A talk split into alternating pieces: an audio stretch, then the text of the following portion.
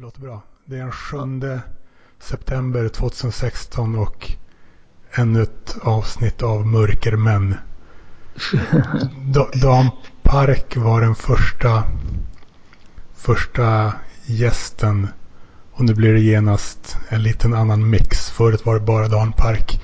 Nu, nu är det också David, David Djuphammar. Just det. Vilken eh, fantastisk mix. Dan Park och jag. Eh, Ja, det- det känns stort. Det, det, Dan Park är ikonen. Eh, såklart. Verkligen. Verkligen. Sen krävs det ju någon som ska vara med efter honom. Ja, exakt. Om det ska bli en, eh, om det ska bli en serie så, så behövs det ju fler helt enkelt. Någon måste, måste ta det steget och göra sällskap med Dan Park. exakt. Och, Det är eh, extra, extra eh, skönt om det inte blir någon mer så att det, i historien så, så är det jag och han som står där. Ja, men det måste bli mer eftersom det, det är ett utmärkt verktyg för mig att nätverka på samma gång som jag spelar in och eh, gör det till någon slags märklig underhållning. Mm, precis. Eh, jag är själv lite nyfiken på det här eh, Mörkerman eh, måste jag säga. Men det Mm. kanske vi kommer till Ja, senare. ja alltså. Eller Det, på en gång kanske. det är bara ett skönt ord. Ja, det är ett skönt ord, absolut. Det håller jag med om. Sen får man ju se vad som kommer bli associerat med ordet mörkerman i det här, samt- i det här sammanhanget. Beroende Ja, på... precis. Det, det blir väl eh, som allt annat, att det blir vad man gör det till. Ehm, Beroende- jag, har faktiskt, jag har faktiskt inte hört eh, det med Dan Park. Eh, fast det måste jag direkt efteråt eh, gå in och höra på såklart. Jag har faktiskt aldrig hört hans röst eller någonting. Fast han är väldigt känd som, som ett begrepp nästan. Som ett väsen. Ja, ett väsen. Ett ont väsen. är ju hans i alla fall eh, officiella persona. Jo, jo, alltså. Sen eh, av, formas det efter vilka jag vill ha med och vilka jag lyckas få med. Det är inte alls Ja, jo. det är inte samma sak heller. Nej, det är klart. Eh, Du, för ett tag sedan såg jag att du på Twitter kallade dig för hiphögerjude. Eh, ja, ja, det gjorde jag. Det kommer jag knappt ihåg, men det stämmer säkert. Men det var ju bara några Eh, veckor sedan. Ja, jag vet. Alltså jag menar, Fast du hade- jag, jag, jag, känns, jag, ibland så byter jag eh, ofta sådär. Eh, jag, jag tror, den här gången så tror jag det var för att, eh, jo, det var, jag läste någonstans att det var någon så här ny trend att eh, bland, jag vet inte om det är alla judar, i amerikanska judar eller specifikt högerjudar. Men att de, eh, i alla fall på Twitter, skriver sina namn inom tre parenteser. Okej. Av, av någon anledning, fråga mig inte varför. Eh, sådär. Så kollade jag, vad fan, ja det gör de ju. Det ser konstigt ut. Och så gjorde jag det själv. Och så passade jag på att skriva så här hipp högerjude fast jag vet inte fan om jag är något Ja. Ja, jag vet. jude, jude är jag definitivt inte. Och Jag sen- tänkte bena ut det. Jag, Ja. jag, jag är inte intresserad av vilken religion folk har eh, i, i, någon slags eh, politisk synvinkel. Men det är alltid intressant att eh, se hur pass eh, rent livsstilsmässigt om det är folk som, Ja, eh, folk som identifierar sig med, med det judiska oavsett om de är religiösa eller inte. Men du, Mm. Ja, är, alltså absolut. inte, du är alltså inte jude? Jag trodde. Nej, det, det är jag inte eh, på något vis. Okej. Ehm, Men jag- du, det du, det gillar, du är en som gillar du är en som gillar att gilla judisk kultur och eh, Ja, fetisch. Du har ingen fetisch för det heller? Nej, jag har inte det. Men det, jag vet ju, jag känner också flera stycken som har det. Som är, vad ska man säga, lite så här eh, wannabe wannabe-judar som nog hemskt gärna hade varit det själva och sådär. Eh, men jag, jag är väl inte det. Jag, jag har inga särskilt starka åsikter faktiskt, eh, varken bu eller bä. Eh, all, allting bygger nog egentligen från första början. För en evighet sedan så hade jag en blogg ja. där jag uppfann en påhittad persona eh, som var en eh, vit jude med stor afro, eller inte afro men ju, jufro får man väl säga då. mm. Stort krulligt hår. Eh, eh, och folk, eh, förutom de då som kände mig såklart, eh, så trodde förvånansvärt många att, att det faktiskt var jag och att jag var både att jag var jude och att jag hade så lite någon sorts lite lite ljusare och fluffigare mikrofonfrisyr och sådär. Mm. Men eh, så var det inte. Men den här judefetischismen, den formas mm. mycket av, det är många som, som gillar att gilla det judiska. De, mm. det, det kanske inte alltid främst det judiska de gillar, utan de gillar den typ av icke-judar som brukar gilla det judiska. Jag, jag hade ett ex för mm. övrigt som dels hade hon en fetisch för judiska i allmänhet och så och rent utseendemässigt judiska män. Men vi var till Borough Park i Brooklyn. Eh, mm, okay. Där är ett ortodoxt område. Ja. Sen eh, då kände hon sig lite utanför där. Och då ja. genast, genast ändrade hon lite inställning till det där. Det kanske inte var så kul ändå i verkligheten. Ja, nej, men det är just de, eh, de, de som har eh, den här klassiska ortodoxa klädseln med de här sladdriga svarta kostymerna och den här liksom svarta nästan fyrkantiga hög hatt och långa korkskruvslockar och sådär. Det, är, det är en stil som sticker ut kan man säga. Ja. Utan, utan att överdriva. Och det är inte jätteofta man ser det i Sverige. Det är väl kanske en gång, en gång i veckan, en gång i månaden kanske. Det är inte oftast. Uh, vänta, en gång i månaden? Ja, alltså det, det är inte jätteofta jag ser folk eh, som har den klädseln. Men jag menar så pass ofta. Du tycker det var ofta med en gång i månaden? Jag vet inte, vid ja. vilka kvarter rör du dig?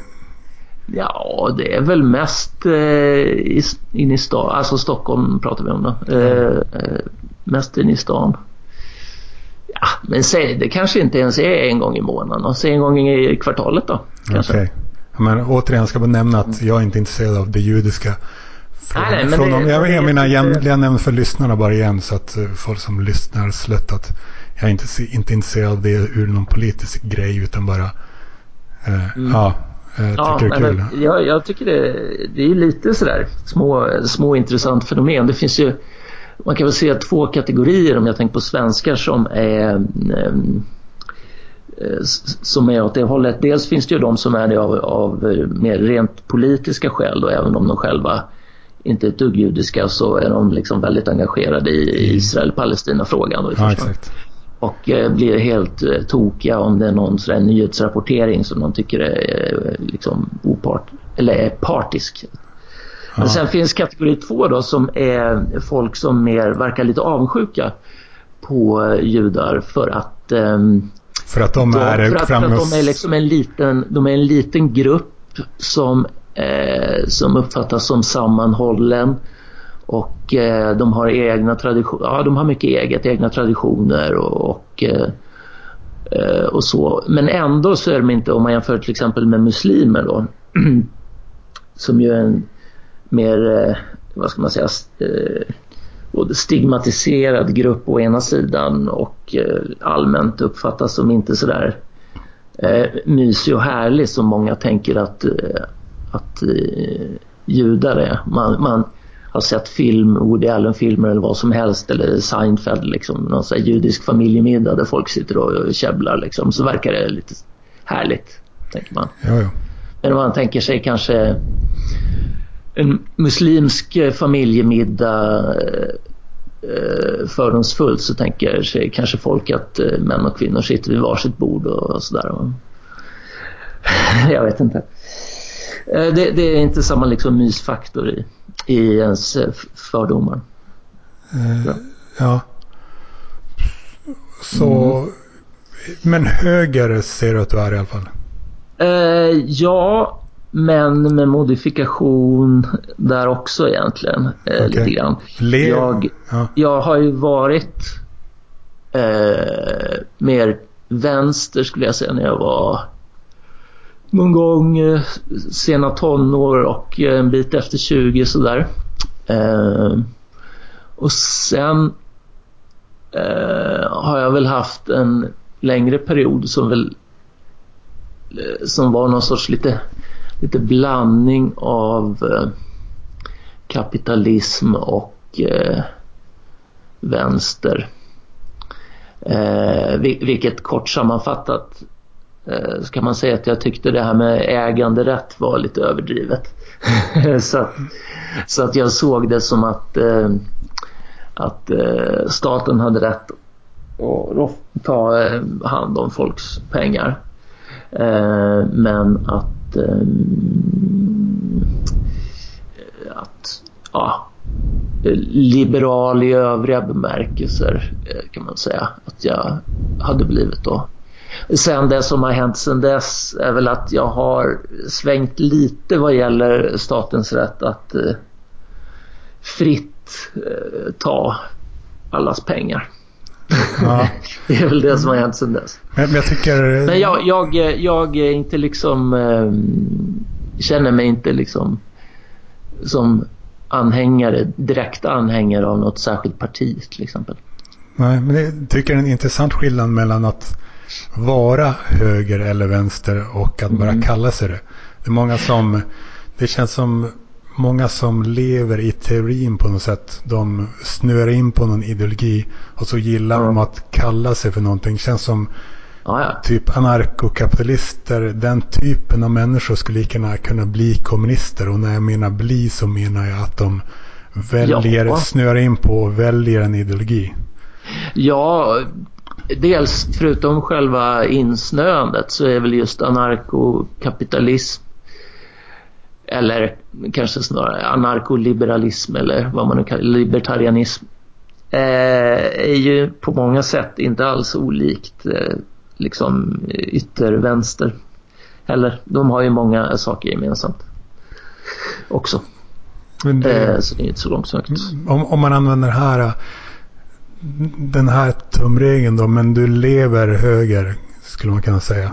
Och det, vilket också stämmer in på många. Mm. Mm. Ja, det, det gör jag väl. Men Eh, i, i, jag försöker nu genast tänka vad det innebär att leva höger. Men det är väl att betala mycket det- skatt. Ja, att leva höger är att betala mycket skatt kanske och klaga över det. Det är väl höger? Jo, ja. är det inte det? ja, det är det väl.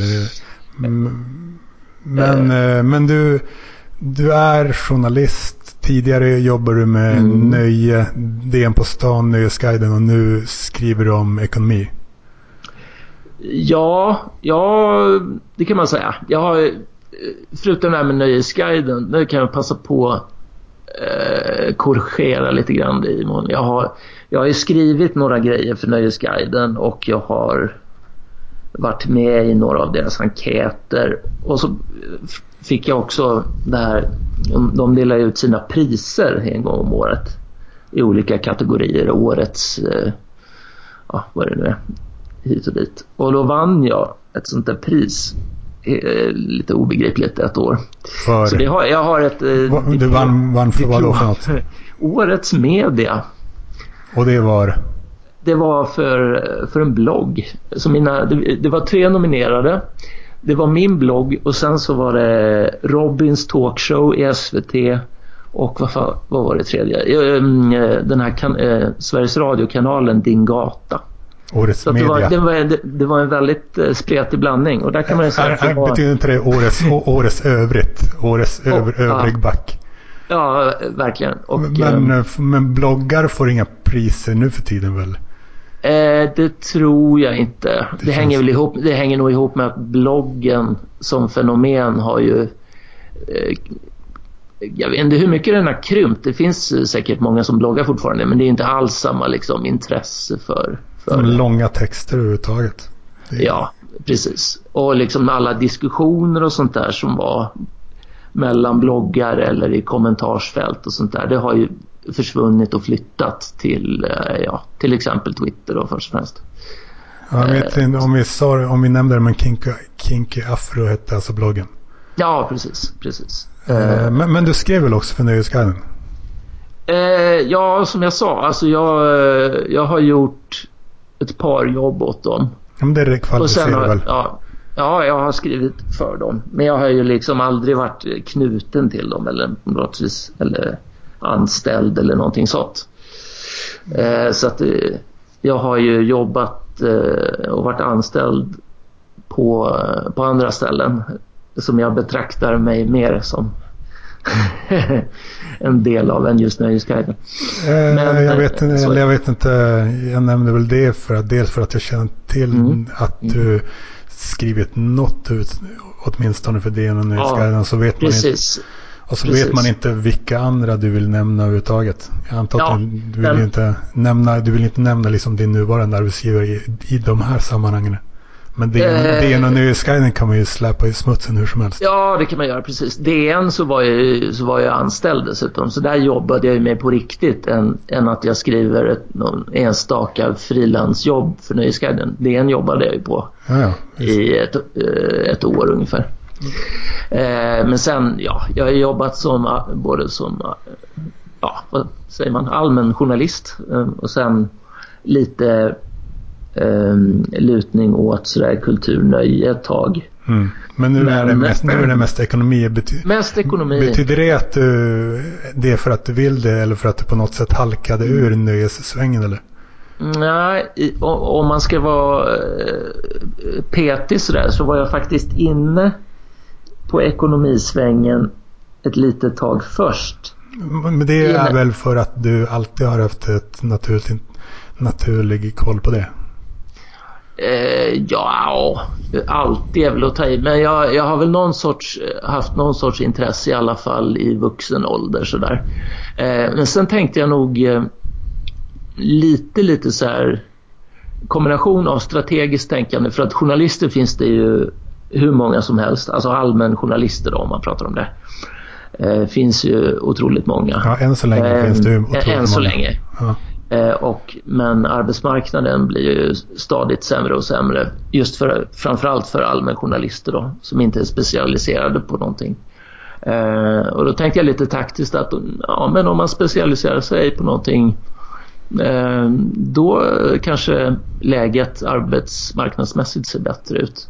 Plus då som lite lite bonus när jag var i de tankarna så var det att eh, bland mina kompisar och dåvarande kollegor och sådär så var väl eh, den vanligaste uppfattningen var att eh, ekonomi i allmänhet och eh, ekonomijournalister var liksom verkade så ohyggligt tråkigt. Det var det sista folk kunde tänka sig och sådär. Så då började jag liksom prata om det och tjata om det. Ja men det är sådär bara för att folk skulle bli lite irriterade. och sen... sen irriterade för att du började prata om att gå in i den svängen? Ja, precis. Okej, okay. så då tror du var ett, någon slags eh, provocerande grej från början eller? Ja, eller en kombination. Alltså grund, grundgrejen var nog snarare det här tänkandet att ja, men det, det kan eh, säkert vara en eh, långsiktigt eh, bra grej att eh, specialisera sig lite. Det var väl huvudsaken. Och sen den här att, att jag tyckte att det var lite roligt bara att, eh, att säga det till eh, dåvarande kollegor och sånt. Mm. För, för att de skulle liksom få lite så rysningar längs ryggraden och så. Jag tyckte det var lite extra bonus liksom. Ja, men du, men du håller på med aktier på, som privatperson mm. väl?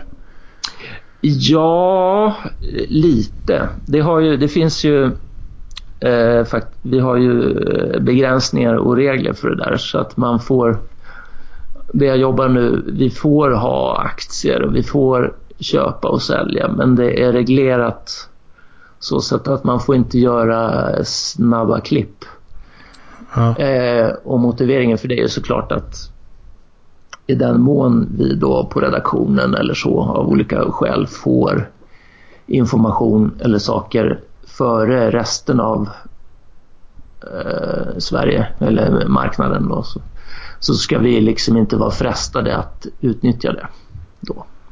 Mm. Eh, så det är det som ligger bakom. De flesta, i princip alla ekonomiredaktioner har väl någon, någon sorts regler för att, för att motverka det. Ja, men om, du inte, om ni inte hade haft någon sån regel så hade du eh, Tok, tokhandlat och fifflat och insider-tradat. Eh, Eller? Eh, nej, jag vet inte, nej, men det, hade det du?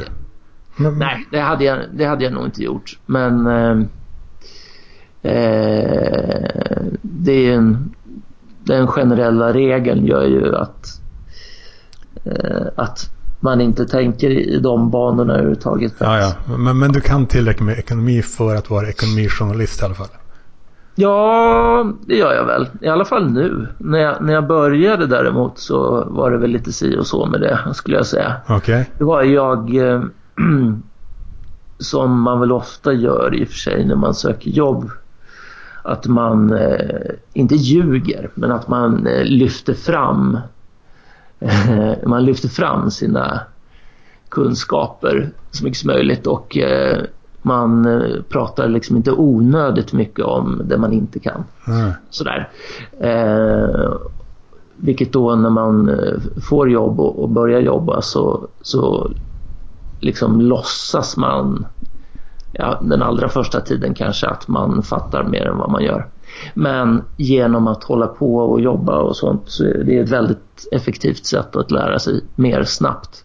Jag hade ju läst eh, ett par terminer nationalekonomi och sådär eh, förut då. Så att jag hade ju koll på de begreppen men det, är inte, det innebär ju inte i sig att man förstår egentligen någonting om hur börsen funkar. Olika, eh, tusentals olika begrepp och liksom sådär slanguttryck och det ena med det andra.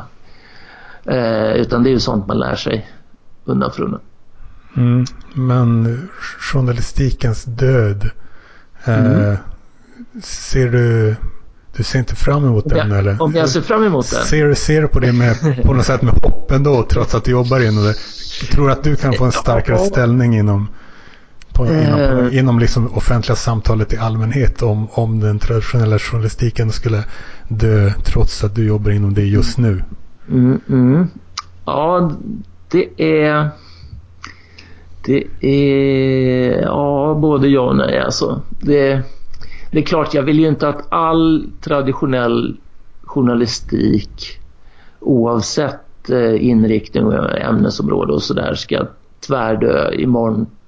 För då har jag inget jobb. Så det vill jag ju inte. Men, men eh, du vill väl att här, om man säger den här liksom pågående trenden då där med minskat förtroende för många Eh, inte för alla men för väldigt många medier och, eh, och vad det leder till också då med eh, ja, problem, intäktsproblem, intäkter som försvinner till internet och sådär.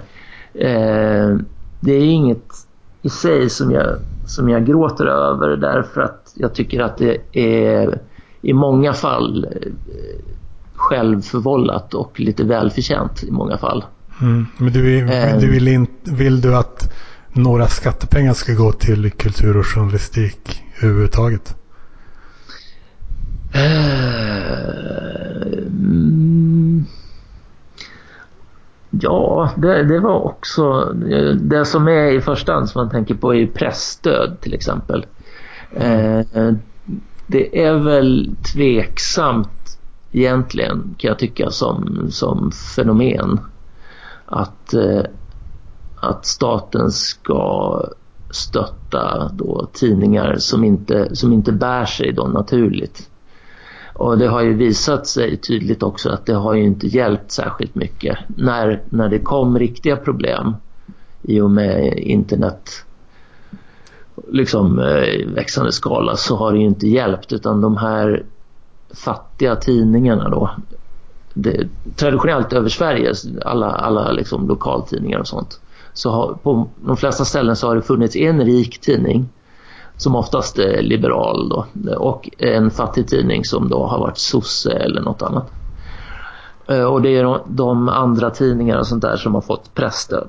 Men det som har hänt över nästan hela landet är att de här andra tidningarna har istället köpts då av antingen av den först större tidningen eller av någon ännu större koncern. Då, liksom, för att man tänker att okej, okay, det går dåligt här och där och där, men om vi samlar ihop alla alla, alla liksom förlusttidningar i ett och samma eh, bolag, då mm. kanske man kan eh, få det att gå med plus ändå.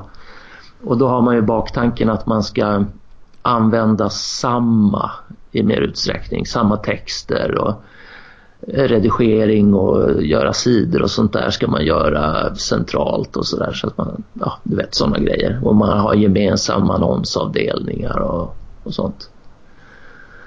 Ja, eh, det har, det har väl inte så det här eh, pressstöd då för att eh, behålla mångfald och sånt. Det har väl inte funkat något vidare kan man väl säga. Det räcker väl bara med information som kommer direkt från källan.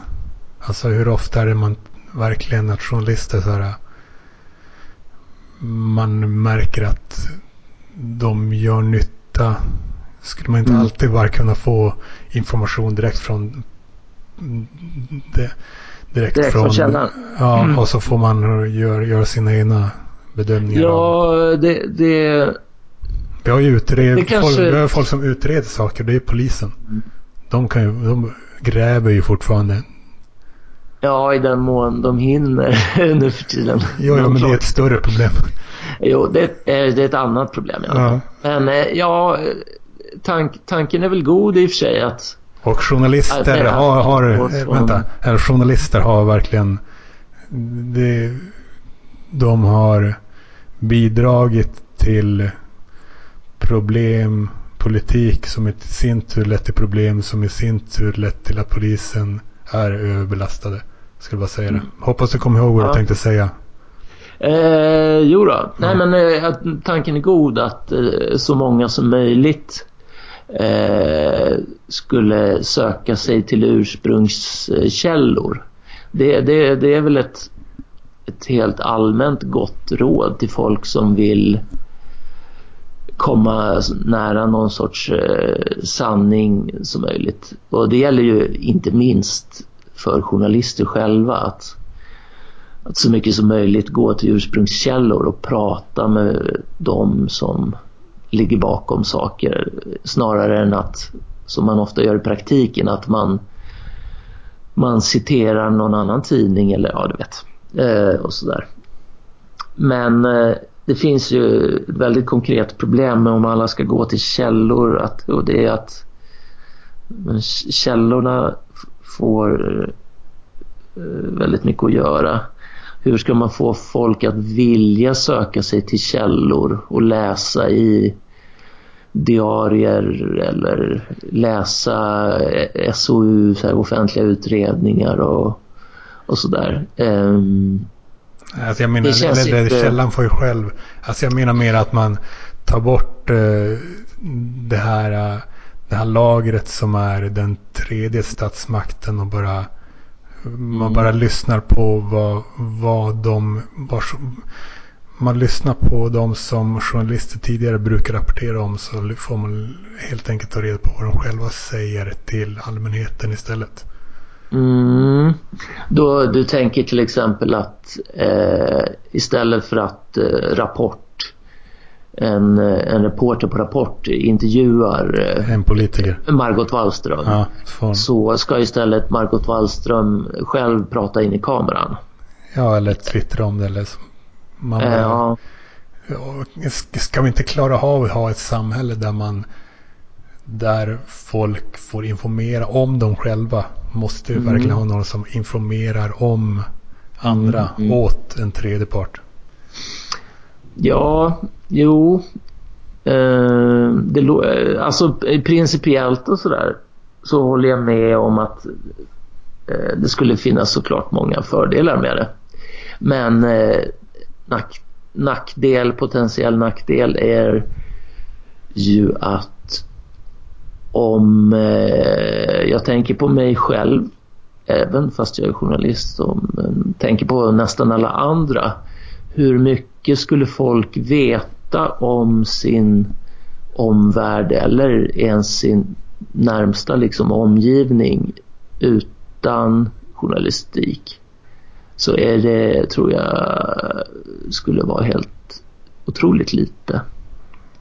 Det hade blivit spännande på något sätt att se hur mycket man skulle veta. Mm. Nej, men om, om, vi tar till exempel att statsministern, eh, vad han heter då, Löfven. Mm. Eh, det har man ju sett i och för sig så enkäter någon gång ibland när de går ut på stan och frågar folk, visar en bild kanske på Löfven och frågar vem är det här och så är det typ tre av tio som inte har en aning. Okay. Och tycker man, her herregud, är det så illa? Men eh, om man tänker att eh, journalistiska produkter och då tänker jag till exempel tv-nyheter, ehm, eh, radio och eh, tidningar inte fanns. Eh, och då eh, även inte liksom de här traditionella mediernas eh, webbsajter inte heller fanns. Hur många skulle då veta vem som var statsminister? Det skulle ju vara de som självmant hade tagit reda på att det var val och sen eh, då på valnatten eller därefteråt hade gått in och kollat och sen följt via olika pressmeddelanden eh, då till slut vem som eh, valdes till statsminister. Ja, det har varit spännande. Eh, det hade varit spännande, absolut. Eh, men det hade varit en så pass knölig process tror jag. Så att då hade nog eh, vetskapen om vem som var statsminister fallit. Så att istället för att tre av tio inte kände igen Löfven så tror jag att kanske en på, en på 50 kanske hade känt igen Löfven då. Det kanske inte hade varit någon större förlust i och för sig. Men, ja, ja, äh, men det, är, det är det här allmänbildningsidealet som inte nödvändigtvis behöver vara på den nivå som gäller i vårt samhälle. Eh, man kan alltid fundera på, behöver jag verkligen veta det här för att vara mm. människa eller behöver jag inte det? Men... Ja, nej absolut. Om jag tar, tar min eh, mormor till exempel, som är, hon är ju död nu sedan ett antal år. Eh, var jättesnäll och trevlig person på alla sätt och vis. Men extremt icke vare sig bildad på så sätt att hon inte har gått särskilt många år i skolan men också allmänbildad inte. Mm. Så eh, hon hade förmodligen varit en av de där som inte kände, hade känt igen Löfven eh, och så vidare. Um, och hon kunde ju liksom leva ändå och, klara sig rimligt i samhället. Ja. Um, och så. Men ja, det hade blivit, jag tror det hade blivit i alla fall ett radikalt annorlunda samhälle. Hade det blivit. Ja, apropå det här, du gillar svart musik fortfarande kanske eller? Ja, det gör jag fortfarande. Eh, det gör jag. Eh, dock även, det blir så jävla mycket brasklappar här. Eh, inte bara att jag gillar det, utan jag lyssnade, det var ju en eh, lång period av många år som jag lyssnade, säg kanske 90 procent eh, om man kallar svart musik och 10 procent övrigt kanske. Mm. Eh, man, man, kanske inte tror men jag har alltid också lyssnat en hel del på svart musik. Kanske inte 90 procent, mm. men... Mycket, ja. Eh, det är det... lite intressant det går hand i hand. Hur skulle du, ser du några personlighetstypdrag som går hand i hand med att lyssna på svart musik när man är vit svensk mm. hipster? Mm, ja, jo då. Det, det kan man väl göra. Det, det, är klart, det finns ju till massvis olika sorters eh, svart musik. Men, men det jag tänker mest är ju då kanske modern eh, hiphop, R&B och så lite äldre så tänker man soul ja, och reggae och liknande. Eh, dancehall. Ja, dancehall, precis. Eh, gemensamma drag hos de, eh, om vi tänker eh, Men kommer sådana Sven, alltid vara Svenska där är, är folk... Ja, dels, dels att man känner någon sorts... Um, att det känns lite tufft sådär. Mm. Eh, kanske inte klassisk eh, gråt soul, kanske inte så tufft men, men om, om man tänker rap eh, sådär. Eh, som eh, man kan identifiera sig med lite på ett, på ett rätt falskt sätt såklart då. Eh, Nej, då inte... jag, jag, jag, tänker på den här Office Space, om du vet den här filmen, eh, klassiska om de här vita kontorsråttorna mm. i USA. Ja. Eh, som eh, de, de lyssnar ju på eh, Ghetto Boys och så här gangsterrap. Gjorde de det, jag vet inte om de lyssnade på eller var det inte bara en scen? Ja, ja eller det var Nej, det var faktiskt inte bara det var, det var, det var flera scener. Bland annat en scen där det kom en av dem satt i bilen och spelade någon eh, gangsterlåt. Ja, det var det jag menade. Men så här, Ja, du tänker på det? Ja. ja. Nej, men sen var det i filmen i övrigt så var det liksom pålagd musik när de till exempel när de slaktar den där kopieringsapparaten och sådär. Ja. Alltså det, det återkom lite fram och tillbaka. Ja, men vad, men vad menar du med falskt sätt? Alltså det blir ju bara... Det är, ju lite, det är lite som att resa. Alltså, Ja, att det är falskt också. Ja, nej, nej. nej, utan att man bara... Eh, att lyssna på svart musik är som att resa till en annan kultur, vilket jag också gör. Ja, jag lyssnar ja. även på typ grekisk folkpop. Ja. Eh, och ja, jag vet inte om du har hört mycket, vet, om du vet vad jag menar, men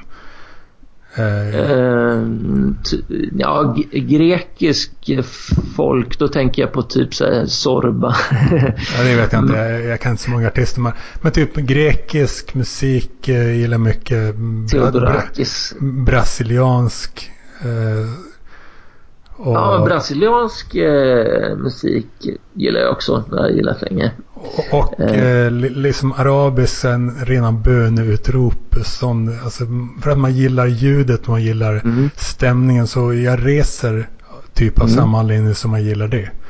Ja, nej, men det är absolut. Det, det kan jag känna igen mig i också. Men du kallar det och, eh, falskt också? Nej, det, det jag menade med falskt, det var inte kanske i första hand att när man lyssnar på någonting för att få en känsla eller någon sorts känsla för en annan kultur eller någonting sånt. Det var inte det jag menade med det falska utan, mm. eh, utan då syftar jag snarare på en eh, någon sådär 40-årig vit eh, direktör som sitter i sin tjänstebil och lyssnar på gangsterrap och, och känner sig som, som en hård jävla gangster. Men det kunde bara att man, att man gillar gillar det som, är, det som är farligt och det som inte är folkhem. Jo, jo, precis. Man gillar det som, som känns eh, lite farligt och annorlunda. Men också eh, att den identifikationen är att, att man, eh, man liksom pumpar upp sig själv och känner sig, känner sig lite hårdare, lite tuffare sådär. Just samtidigt som man lyssnar då. Ja. Eh, och det, och det, den tuffheten kan ju då otroligt snabbt liksom sköljas av så fort man kliver ur bilen och liksom hälsar på sina kollegor. Så är det bara så är den borta. Ja. det, är inte, det är inte falskt. Så. Man har inte ljugit eller lurat någon. Men, ja, men, men, men, det, är, men det är ju väldigt eh, en, en ytlig känsla. Som tillfällig känsla. Ja, ja ytlig. Det blir bara en det är en tillfällig känsla. Någon slags konstnärlig upplevelse av ren vad man tycker är kvalitet.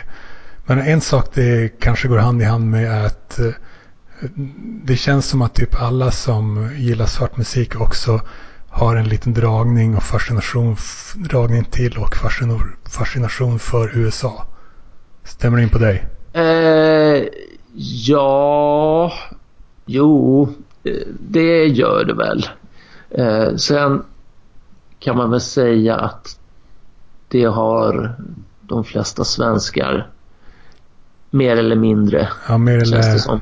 Och framförallt kanske inte de som är 90 år. Men, eh, men i alla fall eh, under, säg under 50 då, eller under 60 så har de allra flesta svenskar såklart eh, väldigt mycket uppfattningar och i praktiken identifikation med USA. Det är väl få länder som, som många vet så mycket om på detaljnivå som USA trots att det, det är inte något grannland, det ligger ju rätt långt bort och sådär. Men alla vet hur en taxi ser ut i New York och man vet att det brukar ryka ur de här gatubrunnarna och eh, ja, men allt. Mm. Att folk gillar hälsokost i Kalifornien. Och, alltså, vi, har kun, vi har kunskaper på en detaljnivå som vi inte har om något annat land. På grund av eh, medier då, alltså eh, tv, filmer och, och så vidare. Jo då. Det har jag med det att göra. Hur mycket har följt eh, den pågående kampanjen? Eh, menar du presidentkampanjen? Ja. Det, det är bara D-campaign. Den, den, den jag, tror inte jag, jag tror inte jag behövde precisera det. det bara... Nej, men jag, jag, jag gissade ju rätt direkt. Ja, D-campaign. Eh, ja, den. Of the century. Ja, äh, ja, jag har, jo, jag har väl följt den ganska, ganska mycket. Jag säga. Det, det ingår ju på eh, mitt jobb då så vi har, vi har ju uppdelat olika bevakningsområden och sådär. Och de eh, på redaktionen som, som följer eh, politik följer den eh, mer på, på daglig basis kanske än vad jag gör. Men, men visst, absolut har jag, följer jag ju det. Eh, Och det, är det, är en annorlunda kampanj eh, den här gången. Svårt att sätta ord på hur, hur bisarrt och historiskt det är. Ja, precis. Man, jag, man tyckte ju det var, kändes historiskt och annorlunda. När blev det då? För åtta år sedan. Ja. Vad blir det? 2008? Åtta.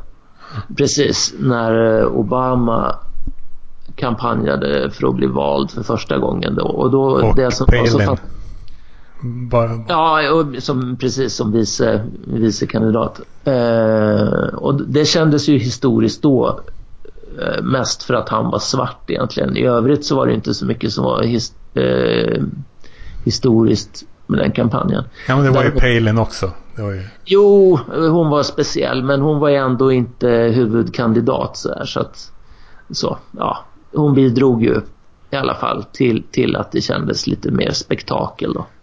Men det, det går ju inte, såklart inte att jämföra med, med den här gången. Det gör det ju inte. Med två, två eh, genuint eh, illa omtyckta kandidater varav den ena eh, i alla fall i rapportering eh, framstår som mer eller mindre en galning. Liksom. Det, det, är lite speciellt. Och en galning som partiet eh, inte ville ha heller utan liksom fick i knät lite mot, mot sin vilja kändes det som. Eh, ja, så. de, eh, de ångrar sig att de överhuvudtaget lät honom ställa upp. Ja, ja, precis. Precis. Eh, det, det, var ju så. Sen har de väl försökt i varierande grad då förlika sig med det och sådär. Och, och trösta sig med att när vi kommer närmare valet så kommer han att tona ner sig och bli lite mer vanlig, eller vad man ska säga. De hoppas väl på det fortfarande. Och att han inte liksom ska fortsätta att brista ut i någon direktsänd debatt och kalla Hillary för lying bitch eller något, något i den stilen. På, på kampanjeventen säljs det t-shirtar med budskapet Life's a bitch, don't vote for one. Ja, ja men precis. Det är, det är mycket den nivån. Men, men på tal om eh, dystopiska framtidsutsikter. Sveriges mm. ekonomi har blivit ett slags slagträ som de som gillar eh, migrationspolitiken som den varit de senaste eh, 40 åren gillar att säga att det ser ljust ut för Sverige och de som inte gillar migrationspolitiken eh, vill måla upp en dyster bild. Så du som ekonomiperson, vad har du för profetior egentligen? Om, om, eh, om svensk eh, ekonomi för framtiden? Ja, till att börja med är det ju en gigantisk skillnad mellan BNP och BNP per capita. Oh ja, det, det vet jag. Jo. Det verkar som att eh, vissa man vet inte riktigt vad de pratar om när, om när, det, när det gäller om det ser just om de menar BNP eller BNP per capita. Ja, eller något helt annat kanske till och med. Eh, bara. Vad menar du? att, nej, men att, att det man ser det som en investering för framtiden som kommer att eh, ge avkastning på sikt. Och sådär. Det finns ju många eh, varianter på det, på det där. Ja, det är klart att ekonomin växer om det blir massor med fler människor men mm. det är inte de det finns ju så att säga exempel på länder som har väldigt många människor men inte anses vara rika. Det är snarare regeln. Att, ja, eh, eller att, många, att länder med mycket folk är fattiga. Wow, riktigt, riktigt så långt skulle jag inte dra det. Men, ja, men, kanske men, inte regel, men det är, kanske inte regel, men det är ju såklart vanligt. Ja, alltså om man tar Kina då som har största befolkningen. Eh, deras ekonomi, de är ju inte lika rika om man tar, det finns ju massvis med stenrika kineser nu för tiden men mm. eh, om man drar något sorts eh, snitt i befolkningen så är, så är det ju inte ett, en, ännu ett, ett rikt land. De är väl på väg upp i någon sorts lite medelskikt kanske globalt. Va? Mm. Eh, Indien som det näst mest folkrika är ju ett jättefattigt land. Just det. Eh, sen har du ju massa väldigt små länder som är stenrika. Om du tar Luxemburg eller Schweiz eller sådär. Jo, jo. Så jag kollar på det där så tror jag, jag tror att Indiens samlade BNP är ju större än Schweiz. Alltså samlad BNP. Mm. Men om man slår ut det per invånare så är det ju en, en extrem skillnad åt andra hållet. Då. Givetvis. Och det, det, är inte, det känns ju, det är så otroligt grundläggande så att det känns som att man borde verkligen förstå nästan intuitivt att eh, hur många som bor i ett land i sig inte säger ett endaste dugg om, om hur rikt landet är. Det, det var därför jag, jag sa emot lite det där att eh, ett stort land innebär att det sannolikt är fattigt. Det, alltså USA är ju ett stort land men eh, det är ju ett av världens större länder definitivt och det är ju ett, också ett av de rikare. Så att, eh, eh det går inte att säga rakt av, men det, det, finns ju inget uppenbart eller ens något logiskt samband varför det ena skulle leda till det andra. Nej, jag menar, inte, jag menar egentligen inte att det var en regel. Det var ju Nej. Eh, dumt, men eh, det är verkligen inget, verkligen ingen garanti att man, många människor så vad, Nej, vad, vad men det, egentligen? Det som, det som om man bortser från just den grejen då specifikt för det, den känns ju så, så uppenbar så att liksom nästan dagisbarn borde, borde fatta. Men eh, det, det, som många lurar sig på lite det är ju att man eh, att man drar eh, man gör en koppling mellan tillväxten BNP-tillväxten då mm. och, och inte rikedom men att, att i alla fall ökande välstånd då. Att eh, om eh, BNP-tillväxten är 5% så innebär det att, eh, att landet blir, är på väg att bli rikare. Eh, men det gäller ju till att börja med förutsatt att inte befolkningen har växt med 5% under samma tid. För då är man ju på plus minus noll och sen andra detaljer som vad är det som gör att BNP ökar? Eh, är det lånade pengar som används till och, och det är väl, att det dela, dela ut. Ja, det har ju blivit det i alla fall delvis. Det är inte bara det. Men stat, de har ju börjat låna upp pengar nu i lite mer omfattning eh, just på grund av saker som har med, med eh, invandring att göra. För det är en, det är en, det är en, religi- det är en ny religiös dogm som står över. För Mm. det, det ska man tydligen alltid fixa fram pengar till oavsett om det är osunt nationalekonomiskt. Ja, eller ja. Det kan man väl säga. Man kan säga det, jag skulle inte säga att det är en helt ny dogm heller. Utan det, den har ju några decennier nu. Sen har den ju bl- blivit betydligt mer omtalad i takt med att liksom polariseringen har ökat och så vidare så har det ju talats mycket mer om det de senaste 5-10 åren än på 80-talet så var ju liksom inställningen densamma. Att, att det här var bra och det här var liksom inget snack om att det var bra att göra så här. Men det var ingen som liksom ifrågasatte eh, någonstans så att det märktes. Ja. Men vad tror du om eh, Sveriges framtid eh, typ om 10-20 år? Eh, ja, det...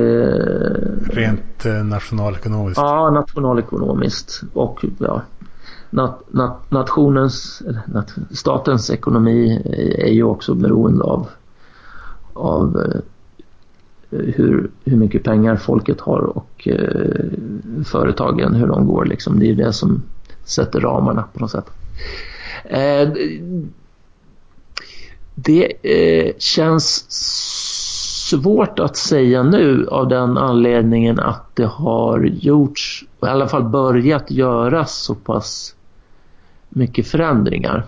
Så att jag, jag skulle säga nu att det känns mycket svårare än någonsin att veta hur då till exempel migrationspolitik politiken kommer att se ut bara om ett år för att inte tala om två, tre år när det dessutom har varit ett val till. Och detsamma även vad gäller alltså, integrationspolitik, det vill säga eh, vad som händer med, med folk som redan är här. Eh, likadant där, hur ser det ut om, om ett år? Vilken eh, politik för man om tre år? Det känns jättesvårt. Ja. För att, för att eh, och, det, och det var ju såklart den här eh, jätte, jättestora flyktingvågen som var förra året som, som satte igång diskussionerna. Om allting hade tuffat vidare till exempel som det gjorde de 5-10 åren närmast, närmast före den här eh, vågen då. Då hade jag nog sagt att ja men med allra största sannolikhet så kommer det att se ut ungefär som nu. Alltså politiken som förs kommer att vara som nu. Eh, men nu känns det, eh, känns det lite mer oklart. Eh, och, och för att gå vidare då så är ju kan man ju säga att den eh, politik som har förts hittills fram tills alldeles nyligen då ja, ekonomiskt har ju varit eh, olönsam såklart. Och då med Du menar eh, migrationspolitiken eller? Ja, ja, ja precis. Ja. Och, och integrationspolitiken. Men eh, om vi börjar med migrationspolitiken så har den ju varit eh, klart mycket ol olönsam och kostat mycket pengar. Mm. Då med, och det har då i den mån det har diskuterats så har det ju motiverats med att dels med att man kan inte eh, sätta, sätta ett pris på, på människor eh, å ena sidan och eh, argument två har ju varit att nej men den kostar inte alls pengar.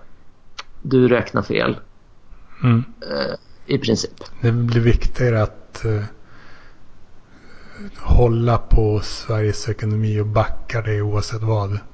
Än att säga sanningen. Ja, eller beroende på då, om, om man till exempel har varit eh, folkpartist till exempel. Fram till Liberal. Ja, de heter ju mm. det nu ja. Bra, jag, har fortfar- jag säger fortfarande, jag har bestämt mig nästan för att säga folkpartist även i fortsättningen. Därför att Liberalerna är så otroligt eh, intetsägande namn på ett parti eftersom alla nästan partier... Men vad, är folkpartist? Vad är Folkpartiet ja men det, det är the party formerly known as Folkpartiet. Då vet man i alla fall vilka det handlar om. Pratar Liberalerna, ja men vilka liberaler då? Menar du, menar du marknadsliberal? Nej, partiet Liberalerna. Ja, ah, okay. de, de, kan, de, kan få ta, de kan få ta de kan få lägga slag på ordet liberal. Ja, ja, absolut. Det kan, de kan få det. Men, men vad, men, vad men, är det? Men, det jag skulle säga om det var att om, om du eh, förut då tills här om året i alla fall var eh, liberal, folkpartist, för då hette de väl det fortfarande. Eh, då, eh, då tror jag du eh, försvarade politiken med att nej, det kostar inte alls pengar. Det var ju som den här, eh, vad heter han, Ullenhag Bland annat mm. han som satte upp den här berömda, berömda listan på myter och sådär som, som man då eh, läste igenom och om man inte, i den mån man inte hade koll på de specifika detaljerna innan så behövde man inte läsa särskilt länge. Och då menar jag inte läsa på avpixlat eller något sånt utan läsa typ i eh, Statistiska centralbyråns eh, databas som man kan söka i vem som helst eller något sånt. För att, för att se att det var ju väldigt många av myterna som inte var några myter utan som faktiskt var sanna. Ja, du, du verkar, du, du, verkar du, du börjar självmant nosa på lite farliga grejer. Så tror, Nej, du, tror det, du att du kommer, eller vad tror, tror du att du kommer eh, göra något spektakulärt så här, i, i det offentliga samtalet i framtiden? Eller, eller tror du bara att du kommer tuffa vidare på att skriva om ekonomi? Eh, jag tror jag kommer att tuffa vidare. Okay. Eh, eh, vet jag inte men eh, det, det, skulle jag gissa. Kommer du, ställa, kommer du ställa till med något? Göra, eh, göra riktigt kontroversiella saker eller? Nej, jag, jag vet inte eh, faktiskt om jag har, om jag, själv tycker att jag har sådär våldsamt kontroversiella åsikter. Nej, men kanske när eh, barnen... I, I, den frågan faktiskt. Li, eh, kanske lite, vissa kanske är kontroversiella, andra inte. Och sådär. Eh, men medan i alla fall folkpartisten mot, motiverade sin politik med att de som säger att det kostar pengar eh, har fel. De räknar fel. Medan kanske vänsterpartisten eller miljöpartisten motiverade det med att, att det är omoraliskt att, eh, att uh, sätta, sätta pris på, på människoliv. Mm. Vilket om jag måste välja mellan de två argumenten så, så föredrar jag i så fall den att då säga att man inte kan sätta pris på människoliv snarare än att bara snarare bara ljuga mer eller mindre. Som man, som man gör om om man lägger ner tid och jobb på att lansera en, en sida där man skriver alltså konkreta fakta som myter trots att vem som helst som gör sig omaket och bara gå in på offentlig statistik ser att det inte stämmer. Ja, när man har en religion att förhålla sig till så blir ofta resultatet att det skapas massa lögner och hycklande och mm. hem, hemlighetsmakeri och så. Mm. Jo, absolut. Men jag, jag, har, jag har personligen så har jag lättare att, att stå ut med någon som är som har någon sorts starkt patos som de drivs av än någon som drivs av någon så här taktiskt eh, ljugande. Mm. Det, det, har jag svårare att svälja. Ja, angående det här med att göra kontroversiella saker och spektakulära. Då är även barn. Men jag tänkte om när barnen mm. blir stora eller något så. Lång, kanske långt in i framtiden. Jag hoppas alltid på att folk ska bli som typ Dan Park. Hoppas du på att alla ska bli som Dan Park? Nej, eller typ med riktigt, riktigt cutting edge uppe i höga år. 40, ja. 48-åringen Dan Park. Så, han är en ikon såklart. Men jag, vi ska hålla runt en timme. Men jag tackar mm. dig så mycket för att du ville ställa upp. Och vi kanske återkommer med dig i framtiden också. Ja, det, vi lär väl höras av. Om inte annat så kommer jag säkert att få höra om dig i Magister eller något liknande poddsammanhang. Misstänker jag. Det, det är en kvalificerad gissning. Ja, så, det är det. Bra, ja. det var allt. Då ja. säger vi så. Det gör vi. Ja. Tack. hej. hej. hej.